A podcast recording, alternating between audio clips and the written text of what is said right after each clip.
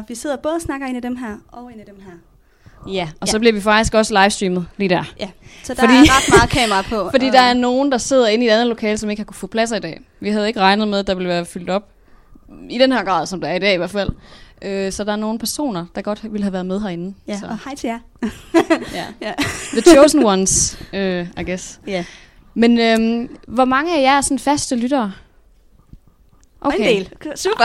Det er godt, det er godt. så, så ved I godt, hvad konceptet går ud på. Lige præcis. Fordi vi laver jo ikke en normal episode i dag. Vi optager ikke et kapitel. Vi er jo nået til slutningen af bog 2. Men i dag, der laver vi en minisode. Og øh, der vælger vi simpelthen bare et tema, og så taler vi om det. Og øh, der er jo plads til spørgsmål og alt sådan noget. Så hvis man har et eller andet på hjerte, så rækker man bare hånden op, og så kan vi jo diskutere det. Men øh, skal jeg afsløre dagens tema? Ja, jeg synes lige, vi skal starte med at sige, at temaet er baseret faktisk på lytterønsker. Fordi ja. vi spurgte lytterne, ja, hvad I kunne tænke jer. Og der var øh, især et emne, der gik ret meget igen. Og det var øh, Snape. Mm. Øhm, men vi synes måske en hel time om Snape er lidt meget. Selvom man kan snakke lang tid om Snape. Så, øh, Vi kunne nok godt gøre det, vil vi jeg sige. Ja, ja. Så vi skal også snakke om Snape, men Ja. vi har så også valgt at snakke om tre andre af vores mm-hmm. favoritkarakterer. Øhm, og jeg har valgt Luna, Lovegood selvfølgelig, og øh, Sirius Black. Og jeg har så valgt at tage Neville og Snape. Yes. Og vi kan godt, altså de er jo alle sammen lidt misforståede karakterer. Ja. Øh, det er alle heltene sådan set i Harry Potter-universet, kan man vist godt sige. Men de her, de er særligt misforståede, og det er nok det, vi især kommer til at tale om i dag. Ja. Tænker jeg, umiddelbart. Og I kan godt forberede jer på, at vi kommer også til at stille os lidt kritisk over for dem. Ja. Som altid. Som altid. Ja. Det er jo en del af konceptet, kan man vist godt sige. Men udover at vi snakker om de her fire karakterer, så har vi også taget en lille quiz med, som vi håber, I har lyst til at være med mm-hmm. i. Mhm. Uh, vi har været på Silkeborg Bibliotek på et tidspunkt og snakke, hvor vi også havde en quiz, og det synes vi fungerede rigtig fint. Så det synes vi lige, vi gentager. Ja. Og uh, så er der plads til lytterspørgsmål til sidst. Lige præcis. Og vi har både taget nogle med, og så har I selvfølgelig mulighed for at stille jeres egne. Så. Og der er jo ikke nogen spørgsmål, der er for indviklede, eller for dumme, eller for mærkelige. Nej. Øh, fordi vi stiller hinanden de spørgsmål altid. Ja. Ja. Det ved I jo. Men vil du starte, Nana? Jeg vil gerne starte med Neville. Vi tager børnene først. Øh, og Neville, han er jo det, jeg vil... Altså, det lyder lidt grimt at sige, men han er jo lidt discount-version af Harry. det næstbedste. Jamen, altså, han kunne jo have været Harry, men endte jo så med ikke at blive det. Gudske lov for det, og så alligevel ikke, fordi han har det jo faktisk ret elendigt. Han har jo, altså, han har jo ikke nogen forældre. Hans forældre, de er jo blevet, hvad kan man kalde det, hjernevasket, eller Blevet Blev sindssyge. Ja, af tortur. har det svært. Så dem, de optræder jo ikke som forældre for ham.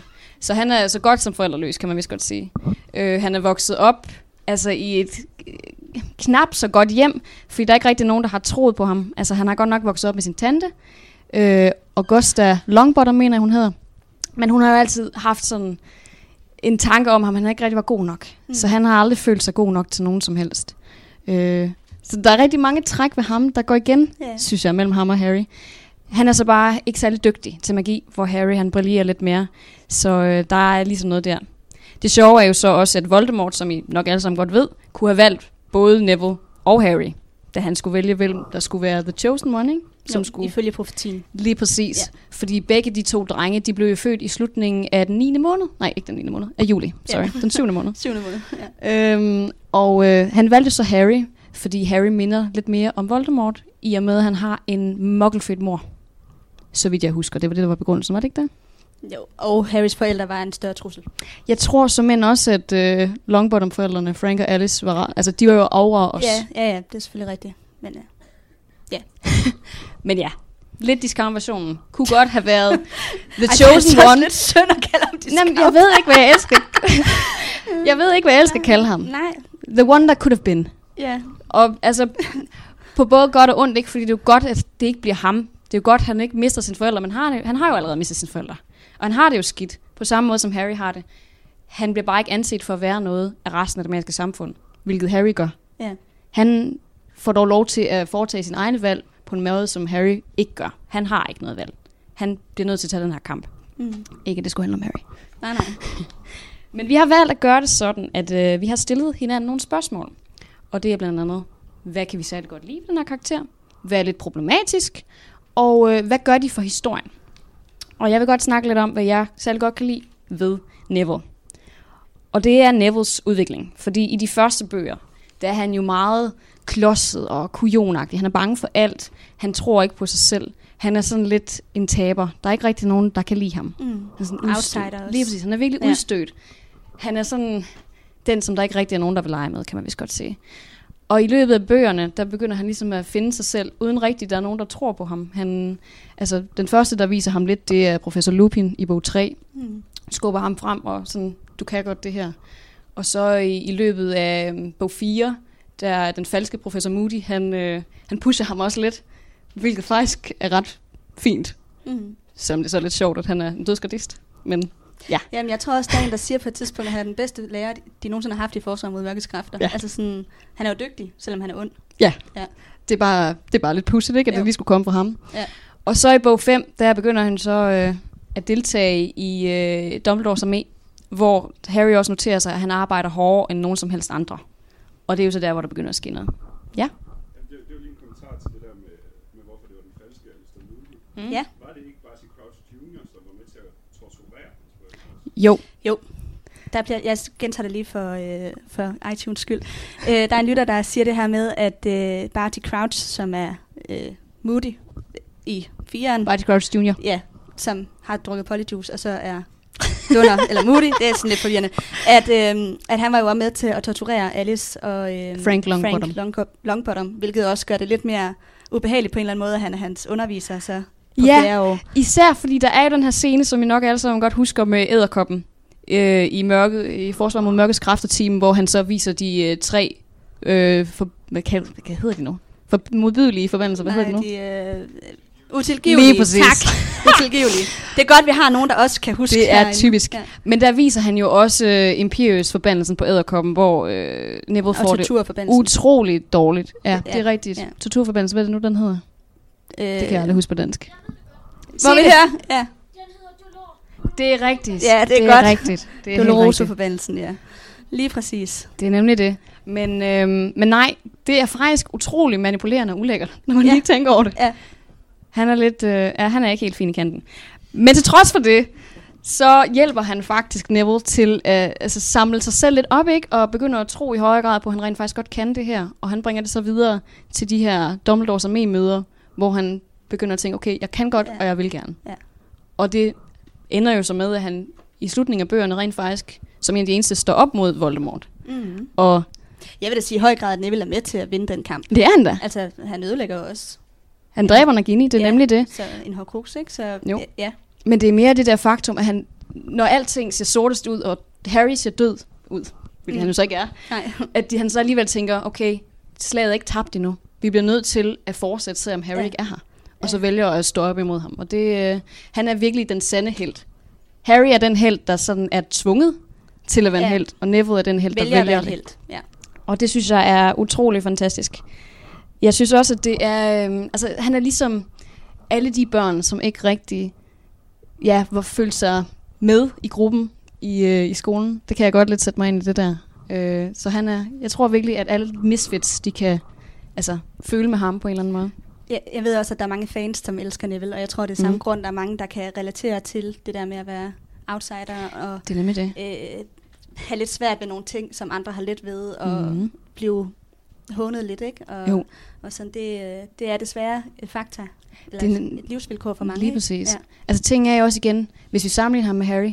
Harry havde alligevel støtte på en anden måde. Han har nogle lærere, der prøver Ja. på at bakke ham op, og Ja, og han har Ron og Hermione. det har han nemlig. Mm. Og Neville har ingen. Det er først Nej. Meget senere, Det er så trioen- venner med Luna senere. Det gør han Ja. senere, fordi de begge to er lidt den samme type, ikke? Jo.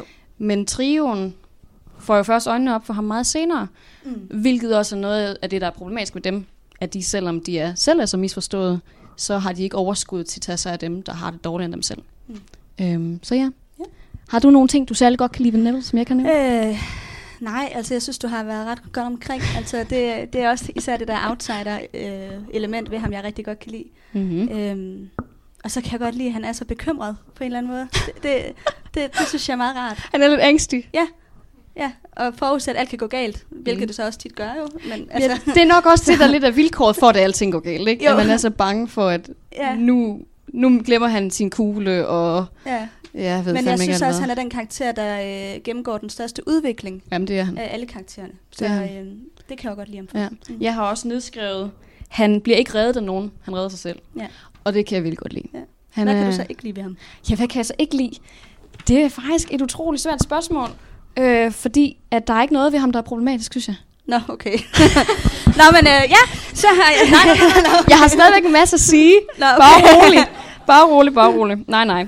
Altså, han er jo i lang tid et offer. Og han er en, som andre gør ting mod. Han Ja. er ikke en, der agerer mod andre, eller kalder folk ting, eller er sådan ondskabsfuld. Alle gør de her skrækkelige ting mod ham. Og det gør jo så også, at han er paralyseret af frygt, typisk i de her øh, handlinger, kan man sige, eller de her situationer. Mm. Han kan ikke gøre noget. Og jeg tror, det lærer ham rigtig meget om tolerance, og at man skal være god mod andre, som også er anderledes end Mm. massen, hvis Ja. man kan sige det sådan. Det er jo også hele J.K. Rowlings budskab, kan man sige. Lige præcis. Med bøgerne. Mm. Lige præcis. Øhm, men jeg, altså, jeg føler så, at alle andres opførsel over for ham er dybt problematisk. Ja, ja. Det, det, Igen, som ja. jeg lige nævnte. Harry, Ron og Hermione får først øjnene op for ham meget senere. Altså Hermione hjælper ham her i de første par bøger, som vi også har talt om. Men hun ser stadigvæk lidt Det ned er på ham. medlidenhed, det er ikke venskab. Ja. ja. Og hun siger sådan til Ron og Harry, at I skal ikke være så hårde ved ham. Mm. Men hun er ikke selv interesseret i at se ham som ligemand. Nej. Han er lidt noget andet, ikke? Mm. Så, øhm, så ja, jeg synes faktisk, at, at det er der problemet er i høj grad. Og trioen får først rigtig øh, øjnene op for ham, efter de har mødt hans forældre, tror jeg, på St. øh, Mungus, hvor de indser, hvorfor han er, som han er. Ja. Det sker jo i bog Ja. 5, hvor at, øh, de møder hans tante og Neville inde på øh, hospitalet, og så ser hans forældre, som er sindssyge, begge Ja. to. Ja. Øh, der går det så op for, ham, for dem, at han har haft det lige så hårdt som ja. Hvis ikke hårdere. ja. hvis ikke hårdere Mm. end de andre. Mm. Og ting er jo også, en ting er at være forældreløs som Harry, og, og ikke vide, hvad man kunne have haft. Noget andet er at skulle kigge på sine forældre, der ikke er til jeg, stede. Jeg synes faktisk, det er værre, det Neville er udsat for. Ja. Fordi han, han bliver mindet om det hele tiden, at han ikke har sine forældre mere. Ja, Altså, det er i hvert fald... Øh, han, kommer aldrig, han kan ikke give slip, så længe de lever. Nej, det kan man ikke. Øh, og den, øh, den synes jeg, den er ret... Det er ret ærgerligt, at det først er i bog 5, at de for alvor begynder at se ham som nogen, de kan trække på, og Ja. som en ressource og som en ven. Ja. Øhm, men det fortæller jo også noget om, hvor god J.K. Rowling er til at skabe karakterer. Mm. Fordi selv vores helte har nogle issues, ikke? Så. Nå, men så vil jeg gå lidt videre med Luna. No, sorry. Nå, undskyld, har du mere? Ja, Nå. hvad gør han for historien? Nå, undskyld. Jeg har skrevet Det virkelig er fordi, jeg er så ivrig. Jeg skal gå videre. Sorry. det må bare være over nu.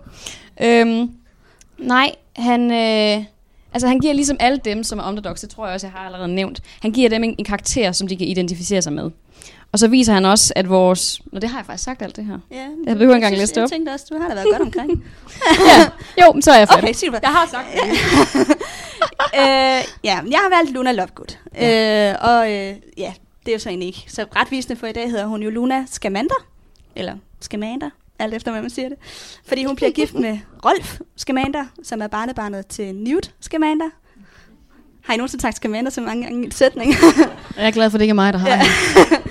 ja. øh, og dem, ham får hun så to tvillingesønner med, som hedder Lorcan og Lysander. Selvfølgelig gør hun det. Og øh, vi kender jo alle til Lunas tid på Hogwarts, det vil jeg ikke gå så meget dybden med, udover at hun var med i DA, ligesom øh, Neville. Og øh, det er så på hendes fjerde år, fordi hun er et år under Ja. ja. Harrys årgang. Sammen med Ginny. Øh, og deltager jo så i samtlige kampe mod Voldemort. Øh, ligesom Harry og Hermione og Ron Og Neville. og Neville, ja. Og så bliver hun jo så holdt til fange af dødskadisterne i øh, bog 7 øh, på øh, Malfoys gård. Og her får hun så et tæt øh, venskab med Ollivander. Og han laver hende faktisk også en tryllestav, da de kommer ud i muslingehytten, som hun øh, bruger i kampen mod Voldemort øh, lidt senere. Ja. Øhm, hun holder særligt kontakt med, særlig, øh, med Harry og Ginny efterfølgende, og de kalder jo så også Lily for Lily Luna Potter. øhm, en lille fun fact, så skulle øh, Luna faktisk originalt have heddet Lily Moon. Ifølge Lily Moon? J.K. Rowling. Ja, i, i start. Øh, Og det er så inden hun har, hun har valgt at kalde Harrys mor for Lily. Men så æn- ændrede hun det. Jeg kan jo bedre lide Luna, må jeg sige. Jamen, jeg jo godt Moon lyder Luna. sådan super cookie. Det er hun også, men Ja. Luna er stadigvæk bedre. Øhm, Jeg tror, der er et spørgsmål derovre. Ja, undskyld. Men det bare fordi, jeg bare gerne lige spørge. Jeg troede, at Luna og Neville, det var dem, der kom sammen i si- de sidste. Ja, det, der det... bliver sagt, at, øh, at man troede, at det var Luna og Neville, der ender sammen, og det er der mange, der tror, fordi det lavede filmen lidt ind til at tro. Ja. Men det er ikke sådan. Det.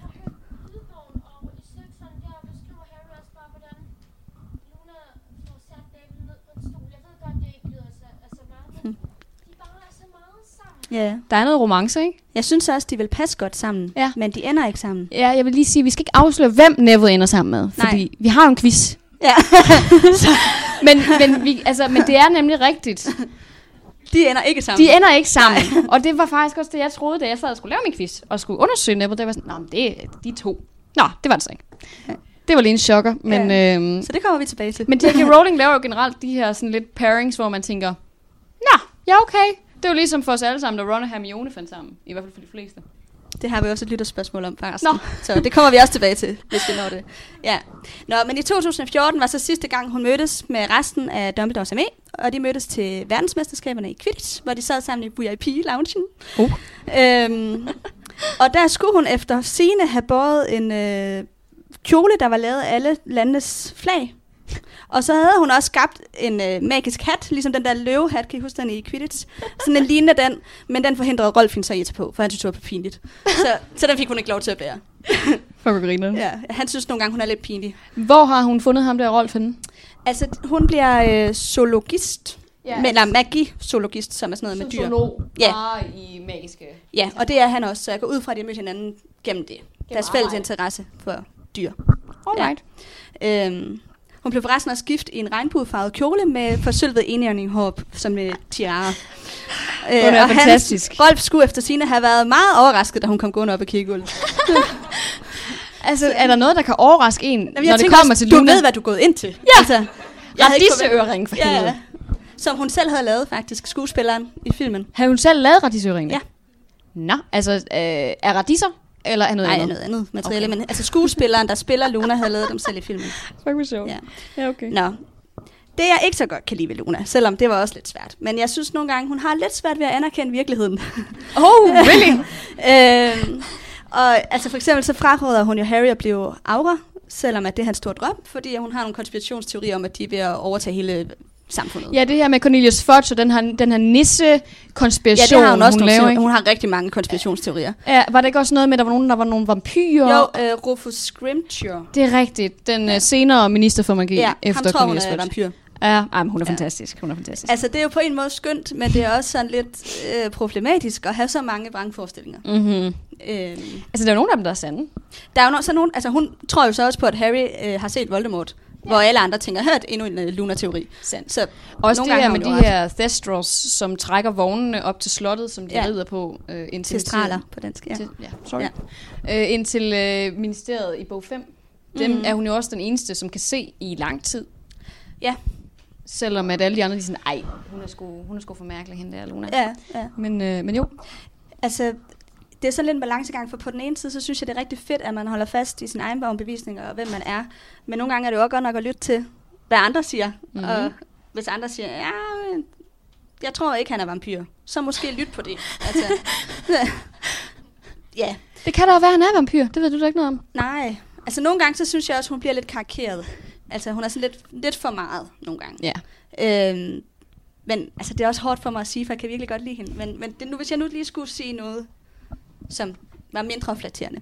Selvfølgelig. Til gengæld kan jeg godt lide ved hende, at hun er underlig, og jeg kan godt lide hendes personlighed. Jeg, jeg kan, Mhm. føler, at jeg kan relatere lidt til Luna på mange måder. Det tror jeg, der er mange, der kan, faktisk. Lidt ligesom med Neville. Jeg synes lidt, hun er den mandlige ud, eller Kvindelige version. udgave af Neville. Ja, ja, ja. Ja. Der fik vi lige byttet rundt på Ja. kontrollerne, var. øhm, hun er jo også lidt en outsider, ja. ligesom Neville, ikke? Jo. Øh, på den måde har de meget til fælles. Ja, jeg tror, der hvor de virkelig øh, vækster, det er, at Neville er bare så dårlig til alting. Ja, hun er faktisk ret dygtig. Det er nemlig det, hun ja. Ja. er bare mærkelig. Ja, Og han er egentlig ikke så mærkelig. Han er bare dårlig. ja. Og han bliver rigtig dygtig. Og det er ikke... Altså, alle har nogle ting, de er dårlige til. Neville er bare dårlig til alt. øhm, ja. Men han skøn. Noget andet, Luna er god til, som ikke har så meget med magi at gøre, det er hendes øh, evne til at snakke om tabubelagte emner. Det er jo faktisk en af de eneste, der rigtig får snakket med Harry om sorg og tab og noget af alt det der, der gør ondt, især i deres snak om de der testraler, som du lige nævnte. Mm. Øhm, hun øh, kommer også hen til ham efter Sirius er død, og tør godt at spørge ind til Sirius. Øhm, så han får bearbejdet nogle af de der sorgtraumer, Mhm. mm-hmm. som han har med Luna. Og det gør han jo ikke engang med, med Hermione og Ron, selvom han er tættere med dem. Og det synes jeg er rigtig fedt, at Luna kan bringe det til historien. Ja. Øhm, ja. Hvad gør hun for historien? Hun er jo for det første den, der kommer i tanke om Rowena Ravenclaws diadem, øh, som er en hårdkruks, der skal ødelægges. Så det er jo sådan set ret vigtigt, for at Voldemort kan blive øh, tilindgjort. Så er hun den eneste af Harrys venner, som ikke bor på Gryffindor. Og øhm, ja, Det er faktisk ærgerligt. at hun ikke bor på Gryffindor. Nej, jeg mener, at alle, at de, Nej, alle øh, de andre. at det, alle vennerne bor på Gryffindor, at man Ja. ikke kunne sprede det ud i højere grad og, og bruge de ressourcer, der er på de andre øh, Ja. kollegier. Men det tror jeg handler om, at Harry han er lidt indsporet, at Ja. Gryffindor er det eneste rigtige. Altså, Sandt. øhm, så det tror jeg mere er, er hans skyld egentlig. Jeg tror, at der er andre, der gerne vil være venner med ham. Det er rigtigt. Nå, og så øh, er hun, gør hun det jo okay at være outsider, og det synes jeg næsten er det vigtigste Mm. i hendes rolle for historien. Ja, det var det, jeg havde om Luna. Har yes. Du noget at tilføje? Nej, jeg synes, du fik det sagt perfekt. Nå, det er da godt. Altså igen, de minder jo, som du selv lige sagde, utrolig meget om hinanden, de Ja. ja. to unge børn. Og, øh, og det gør alle de karakterer, vi har valgt i dag. Man kunne lige så godt have kaldt det de misforståede tema, Ja, øh, hvis, hvis vi havde ville. Men, øh, men ja, jeg synes, at øh, du kom rigtig godt omkring hende. Ja. Og jeg synes også, at hun er skøn, i og med, at hun tager fat i folk, når de ikke rigtig har nogen andre, og kan sådan stille spørge spørgsmål, som du sagde. Det er virkelig vigtigt. Det skal vi andre også huske på. Øhm, men jo, så vil jeg hoppe øh, lidt elegant videre til Severus Snape, som vi jo alle sammen godt kender. Og øh, altså, det er jo svært at sige noget dårligt om Snape. Når man tænker på ham som Alan Rickman. Nå, som Alan Rickman. Ja. Jeg skulle lige så sige, jeg kan godt sige noget dårligt om Snape. Altså, karakteren er jo modbydelig. Men, men selve skuespillet af Alan Rickman i filmen er jo eminent. Det, Ja. Han er jo den bedste i alle filmene. Det er han jo. Det kan ja, det tror jeg, der er mange, der er enige Ja, om. det er godt. Jeg Men- tror ikke, jeg var den eneste, der græd, da han døde. Nej, det var frygteligt. Ja. Ja. Det var virkelig, virkelig trist. Sovens dag. Ja. Men øh, jeg vil sige, helt indtil slutningen, der er han jo alles absolut havde karakter. Der er jo dem, der påstår, at de har vidst hele tiden, at han var god. Tror jeg ikke på. Nej, det gør jeg heller ikke. Øh, og det, er jo det starter jo ud med, at han har sådan et relativt uskyldigt elev-lærer forhold til Harry, ikke? Altså, han, han starter jo hvad første øh, elixir-team ud med at sige uh, The famous Mr. Potter, og stiller ham alle de her nederen spørgsmål, og det udvikler sig jo bare derfra. Men i starten er det jo meget stille og roligt, der er det jo bare sådan, når han kan bare ikke lide mig. Hvor det så eskalerer. Hvem har ikke prøvet det? Ja, ja, ja. Og det, det eskalerer jo fuldstændig til sidst, hvor han jo ender med at myrde Dumbledore, og de alle sammen er sådan, okay, vi var blevet semi-overbevist af Dumbledore om, at han var god, og det, var, det passer sig ikke. Ja. Dumbledore har fuldstændig Det misforstået ham. ultimative svigt, føler man lidt. ikke? Lige præcis. Ja. Og Harry forstår jo så først meget senere, hvorfor Snape har haft den her antipati over, over for ham. Øh, jo på grund af det forhold, han havde til James, øh, Harrys far, Mm. som jo mobbede ham. Øh, og det har Severus jo nok også selv været skyldig til dels. Men der har i hvert fald været noget, noget dybt had der. Ja. Det gør det jo så ikke bedre, at Harry ligner James rigtig meget. Så bare minus populariteten, kan man jo godt sige. Øhm, Og øjnene. og øjnene, det er rigtigt, og øjnene.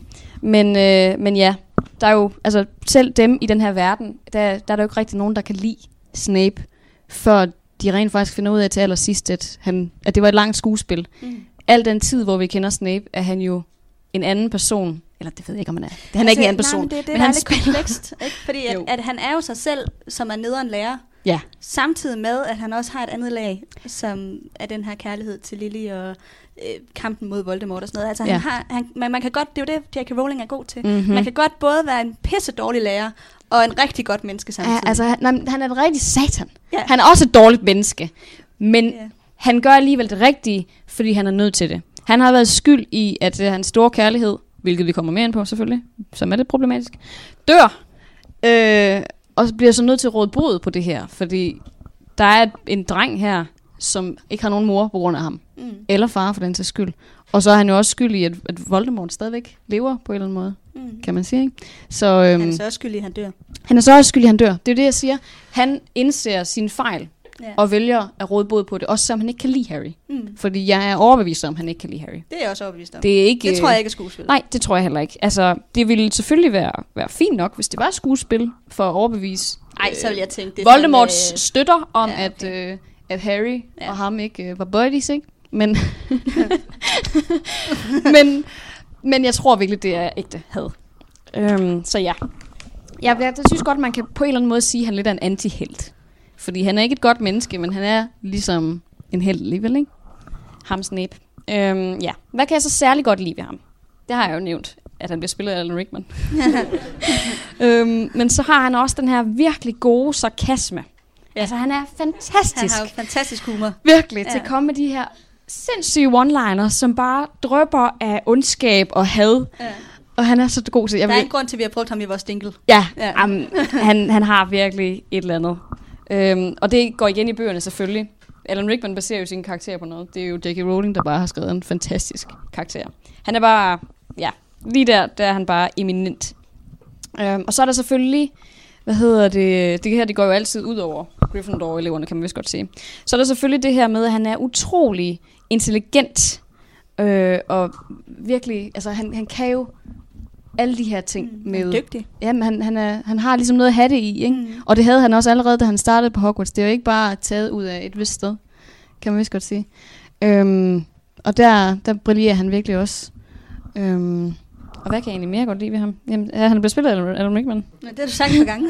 Jamen, det, det, det er også godt. det er faktisk det, der er vigtigst. Tegn, ja. Øhm, men igen, det faktum, at han vælger at råde bod på sin fejl, det går jo igen ved Draco også. Man kan godt sige, at deres historie ligner lidt hinanden. Mm. Draco når bare ikke at lave lige så store fejl, som Snape gør. Nej, men det er jo generelt igen det der med, at man udvikler sig som menneske. Og Lige præcis. Det er ikke aldrig for sent at Ja. gøre brud på noget. Det er nemlig det. forkert. Altså, vi, øh, vi har jo diskuteret i et, i et tidligere afsnit, øh, hvorvidt, han, øh, hvorvidt han døde efter kampen på øh, Hogwarts. Ja, fordi der var den der fan-teori om, at han stadig var i live. Ja. Lige præcis, hvor vi så begge to er kommet frem til, at, at nej, selv hvis han overlevede, så Mm. ville han nok ikke have ønsket det. Nej. Fordi at han har ikke mere at leve for. Det var hele pointen, det var, at Voldemort skulle væk, og Harry skulle øh, komme igennem det her på en eller anden måde. Ja. Øhm, og der synes jeg, at det er et fantastisk offer at vælge at leve så mange år, bare for den ene sag. Det, ja, det er noget det særligt. øh, kræver med med noget viljestyrke. Ja, det gør det, fordi at alt, hvad han har elsket, er væk. Ja, ja. På grund af ham selv selvfølgelig. ja. Øh, så det kan jeg særlig godt lide ved ham. Mm. Hvad der så er problematisk ved ham, det er jo utroligt se, du har flere på. mange ting. Ja. Først og fremmest, så er der den her kærlighed, som han har til Lily. Og han, vi kender jo alle sammen det her citat, always, som han siger, og sender sin patronus ud, og det ligner Lillys patronus, den her, det her dårdyr, og det er åh så smukt. Men det er en meget obsessive love. Altså, ja, han er sådan lidt stalker. Ja. ja. Ja, det er han. Altså, de er jo venner øh, som børn. Øhm, og, og er jo også venner et godt stykke tid ind i deres tid på Hogwarts. ja. Men han kan ikke rigtig acceptere hende for den, hun er, og det, hun gerne vil. Og hvilket jo så er at være sammen med James Potter. Han vil have, at det hele skal køre på hans præmisser. Mm. Han er jo obsessed med det her øh, mørk magi allerede fra starten, og blev ved med at være det. Og han tror jo faktisk også, hun vil være imponeret over, at han bliver dødsgardist. Ja. Det læste ind på Pottermore. Så det er faktum. Ja. Det er ikke det, hun bliver, Nej. kan man vist godt sige. Øhm, så han har totalt misforstået hende som menneske. Han har et eller andet billede af hende, og en forestilling om, hvordan hun skal være, Mm. som ikke passer med virkeligheden. ja. Og jeg tror også, det er derfor, hun er sådan lidt, det er jo ikke mig, du vil have. Det er faktisk meget sjovt, fordi jeg synes, første gang man, man læste bøgerne, så var det meget, meget smukt, den her Ja. dybdegående kærlighed. Og, Evig, Ej, ulykkelig kærlighed. ja, altså sådan, hvor romantisk. og nu er man lidt ældre og tænker, ah, okay, det er faktisk ikke så rosenrødt. Du føler dig friendzoned, og du er stadigvæk sur over det. ja. Mange, mange år senere. Kan bare ikke komme videre, vel? Nej, Nej. altså man kan så sige, han vælger, det er jo så drivkraften bag alt, hvad han gør Ja. sidenhen. Så han bruger det til noget godt, men hans måde at håndtere kærlighed på er ikke særlig øh, god, Nej. må man nok sige. Og at der skal så meget til, at hende, han elsker, dør. Det er lidt voldsomt. Plus han kommer ikke rigtig videre. Det synes jeg også er ret Nej, problematisk. Det var det, man synes var smukt, da man var yngre. Ja. På en måde kan jeg stadigvæk godt synes, det er lidt smukt.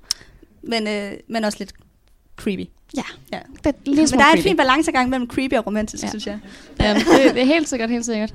Men, men, men ting er jo også med den her obsessive love til, øh, hans, til Harrys mor, så gør det jo fucking mærkeligt, at han hader Harry så meget, og han opfører sig så grimt over for hendes eneste søn, når han godt ved, at hun elsker sit barn, og, har- eller vil have Mm. ønsket, at Harry skulle have haft den absolut bedste Men han er opvækst. ikke hans barn. Nej, han er ikke hans barn, men han er Lillys barn. ved i hvert fald. Det er han ikke. Åh, oh, det kunne have med med være et vildt plot, der lige blev afsløret, hva'? Ja, han er ikke Harrys far. Det er han simpelthen ikke. Men, øh, men, men den her... Jeg skriver en ny fanteori. Det, øh, Ved du hvad? Det synes jeg bare, du skal gå ind og skrive noget Potterotica, tror jeg. nej. Øhm.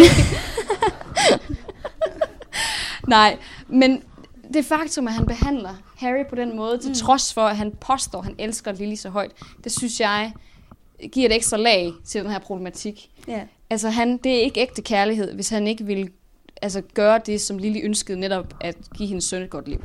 Mm. Så elsker han hende ikke nok. Det er ikke kærlighed, det er obsession. Og det er øh, dybt problematisk.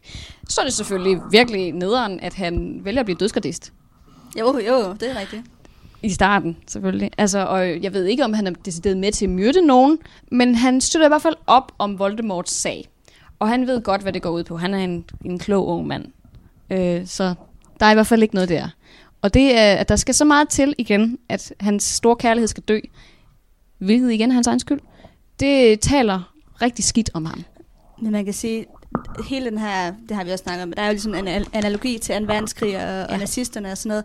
Der var der jo også rigtig mange, som blev opslugt af den her øh, tankegang og, mm. og gik med, som ellers var nogle gode mennesker, ikke? Jo. Så, så det er også sådan, det, det er selvfølgelig helt forkert.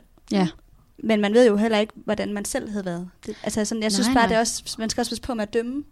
Fordi at man, vi har set i historien, at mange gode mennesker kan lige pludselig blive rigtig onde. Det er rigtigt, det er rigtigt. Altså, Og onde mennesker kan også godt blive gode. Altså, det er ikke så sort-hvidt. Nej, nej, det er Ja. ja. rigtigt. Altså, ting er jo lidt med Snape. Han har jo en dårlig opvækst. Han har to forældre, som, øh, som skændes og er voldelige, og han øh, vokser op et lortested. Og Der ja, er mange faktorer, som gør, at Mm. han lettere kan se nogle fordele ved Voldemorts Ja. regime. Ikke? det er det. Ja. Men han minder på samme måde om Harry, og Harry bliver ikke ond. Og det gør Nej. Neville heller ikke. Det er og heller det ikke gør Luna for heller at ikke. øh, acceptere hans adfærd. Nej, nej. Det er bare for at forklare den. Men, men jeg, jeg forstår udmærket Ja. godt, hvad du mener, men der er bare, altså han, han har den her fascination med, med de mørke kræfter, som er usund, og jeg ville helt sikkert selv være blevet fascineret af mørk magi, men ikke på den måde, som han gør. Det er selvindsigt. Altså, der er helt sikkert et eller andet interessant ved det, fordi at det ikke ligger ude i lyset. Ja. Men et er at synes, det er interessant, og noget andet er rent faktisk at blive en del af det. Ja. Vi snakkede faktisk også om, før vi sådan rigtig kom i gang med Harry Podcast, at lave en uh, podcast om mor. Ja. Så uh, der er jo sådan lidt en uh, interesse for noget mørkt, kan man sige, hos dig. uh, Ja, det kan man sgu sige. Er det ikke sådan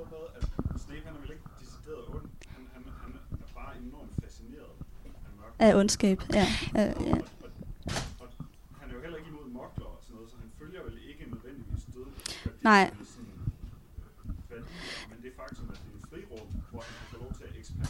med ja, mørke, det tror jeg, du har meget... Det bliver sådan priset. Ja, det tror jeg, du har meget ret i, at, at det er jo ikke... Men det tror jeg også, der var mange nazister, at det var ikke alt ved nazismen, man kunne lide nødvendigvis. Men der var måske dele, som gjorde, at man blev nazist. Altså, og jeg tror lidt det er det samme med Snape, at...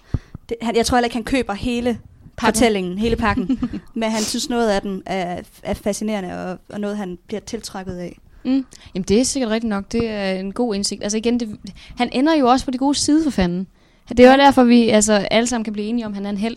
Og der er mange af os, der, der elsker ham, og hader ham også lidt samtidig, fordi han har bare nogle problemer. Så, øhm, så jo. Ja. Ja. Altså, jeg er også i, helt sikkert i top 3 over yndlingskarakterer. Jamen, han er også en af mine yndlingskarakterer, det er derfor, vi er med jo. Ja, ja. Ja, men det bliver også bare uinteressant, hvis vi kun sidder og roser ham. Det er jo det. Altså. Det er jo det. Men, øh, men ja, altså, hvad han så gør for historien, han gør jo virkelig meget. Han er jo Ja, han er altså meget primus flot, øh, motor, kan man vist godt sige. Meget ansvarlig for plottet. Det er han. Han er utrolig central. Og, øh, og hvis han havde, ikke havde været her, så var det blevet en meget anden historie, det kan man vist godt øh, sige. Og så fortæller, giver han os også ligesom en karakter, der udlever hele tragedien, ikke? Altså, der er bare ikke noget i hans liv, der ender lykkeligt. Han er, Nej, det er virkelig deprimerende. Ja, så hvis der er nogen, man skal have ondt af i den her historie, så er det godt nok Snape. Det, det er bare hårdt fra dårlig start barndom, til dårlig slut. skoletid, dårlig voksentid. Ja. Ja. Det er helt rigtigt. Men han ender så med at redeem sig selv. Og det er jo det, der er så fantastisk ved ham, at vi får... Vi har utrolig mange helte i den her historie. Ja. Og I han, dem, vi har taget med i dag. Ja, dem. Altså, han, han er en held. Helt sikkert. Øh, især fordi han kan godt se, at han har lavet nogle fejl, og så vælger at gøre op for Mm. det, uanset hvad det koster ham. Hvilket jo så bliver hans liv i sidste ende. Så Ja. ja. Så synes jeg, vi skal snakke lidt om Sirius Black. Hov, vi har lige et spørgsmål. Nå, ja.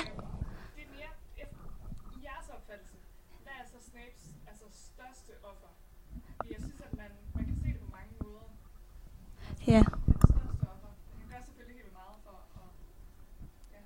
Der, der bliver spurgt, hvad er Snapes største offer? Det er et godt spørgsmål. Det er utrolig svært.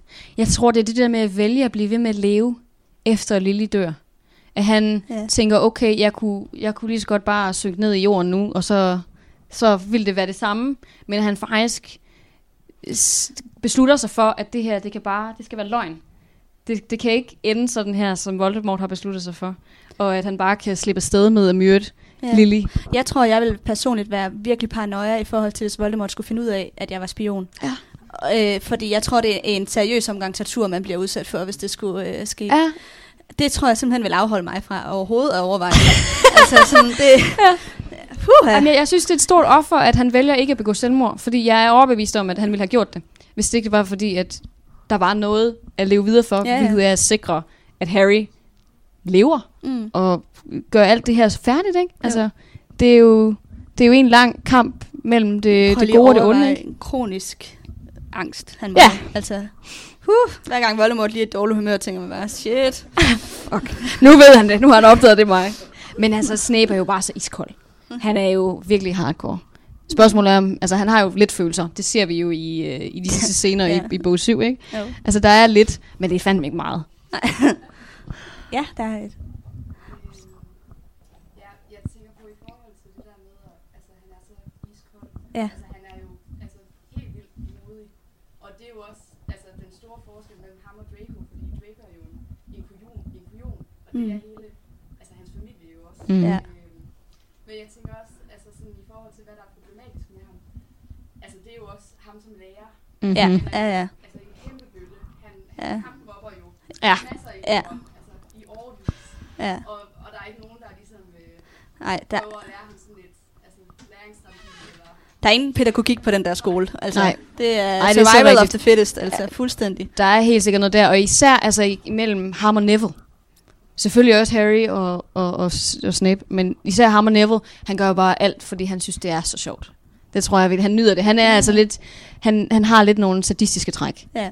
Øhm, og det er også dybt problematisk. Men det er derfor, han er interessant, fordi han både er mega nederen og mega god på Ja. samme tid. Altså, det, det er jeg jo tror, kedeligt, hvis det er sådan nogle papfigurer, der kun er gode og kun er onde. Ja, men jeg synes også, det er det, J.K. Rowling gør så smukt. Mhm, Mm-hmm. Altså, det er derfor, det er de bedste bøger, synes jeg. Ja, øh, Nu nævnte du lige Snape og Neville. Kan man forestille sig, at grunden til, at Snape er så ondskabsfuld ved Neville, er, at hvis nu Voldemort var gået efter Neville, i stedet for Harry, så var Ah, ja. ja. Der bliver, jeg synes lige, vi skal gentage, der bliver sagt, at uh, kunne det være, at han ikke kan lide Neville, fordi at Neville kunne have været Harry, og dermed kunne Lily et sted i livet. Det er et fantastisk godt øh, Det tror jeg godt, argument, der kan og det tror jeg også er helt han, rigtigt. Øh, han tænker, shit, Voldemort tog den forkerte. Ja, han er så bare, det er bare så ondskabsfuldt at have sådan en, en tanke over for en dreng, der har mistet sine forældre. Ja. På den måde, som man har, og så tænke, ved du hvad, det skulle være dig, der var blevet myrdet, i stedet for, øh, Ja. for ham den Meget anden. egoistisk også. Utrolig egoistisk. Så vælger man så bare, Nå, men, dine forældre er så ikke døde, og det er du heller ikke. Nu mobber jeg dig så bare i stedet for. ja. Det er... ja, Meget der er vildt. et spørgsmål dernede.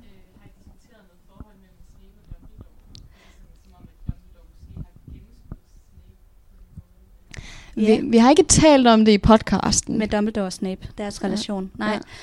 Øhm, de har også en lidt sjov relation, synes jeg. Man, Jeg synes, Dumbledore er meget blamende. Altså, han Altså- kører meget på Snapes følelser i forhold til Lily. Altså, han er meget sådan, ja, det var jo selv skyld, det her. ja, ja, ja, der er han lidt kold. Ja, men Ja. ja. jeg tror, han ved, det er det, der virker med Snape. Fordi hvis Ja, ja, han ja. bare ærer ham øh, på hovedet og siger, at det er også synd for dig selv, så... Ja, ja. Dumbledore er generelt ikke en, der har medlidenhed med folk. Altså sådan, synes jeg. Nej, ikke med mindre, at det er nødvendigt i hvert fald. Ja, men Øh. han udviser da ikke meget medlidenhed mod Harry. Eller det gør han bare ikke til Harry. Nej, det kan du vist. Men Dumbledore er en meget speciel karakter. Det er også noget, vi kommer til at tale ja. nærmere om, jo mere vi interagerer med ham i bøgerne selvfølgelig. Men det er et mærkeligt forhold. Altså jeg tror, nu, vi er jo ikke kommet der til endnu. Men, øh, men vi ser jo de her scener i bog 7, hvor Snape dukker op hos Dumbledore efter Lily er død, og han er bare så angerfuld, og det må- var bare ikke det, der måtte ske. Og jeg mindes, at Dumbledore han er sådan lidt, Nå, jamen, hvad skal vi så gøre ved det? Hvad, hvad er så din plan nu?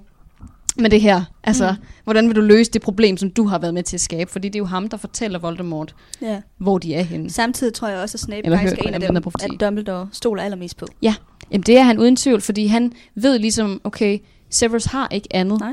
i sit Det er liv. det, han er her for. Altså, han er 100% på de gode side, fordi at det er den eneste grund til, at han er her. Mm, mm. Så det, det, det tror jeg også, han tænker uden tvivl. Ja, det er meget mærkeligt. Ja, så er der lige et spørgsmål her. sagde bare tidligere, at Snape var skyld i i stød. Ja. Øh, jeg kan ikke rigtig huske, hvordan det er. Hvad han siger. Ja, Han, han lytter ved døren, så vidt jeg husker. Dumbledore og Trelawney, de, øh, det er under Trelawneys øh, ansættelsessamtale, tror jeg. det kan jeg ikke lige huske. De har i hvert fald en samtale. Ja, ikke? De sidder og snakker et eller andet sted offentligt. Og så kommer, øh, så kommer Snape hen og lurer ved en dør, og så hører han så profetien, som han så fortæller til Voldemort. Hvilken så enten kan være Neville eller Harry. Og der vælger Voldemort så at gå efter Harry. Mm. Så, øh, så det der med at være lidt sneaky og lidt ved dørene, det har så kostet ham Ja. utrolig meget. Og der havde, så vidt jeg husker, Snape sagt til Voldemort, at vil du ikke bare nøjes med at dræbe babyen? Ja. Så, så Lily stadig kan leve. Hvor at Dumbledore også er sådan lidt, hvad havde du regnet med? Altså, Det er Voldemort. øh, hallo, ja. Nok ikke lige så realistisk at tro, vel? Nej, Nej. det er, hvad skulle, hvad skulle, hvor, så får han en fjende mere. Altså, så vil Ja, Lily jo gå grassat. dræber han Ja, ja. Lily og James. Ja. Ja, ja. Øh, ja.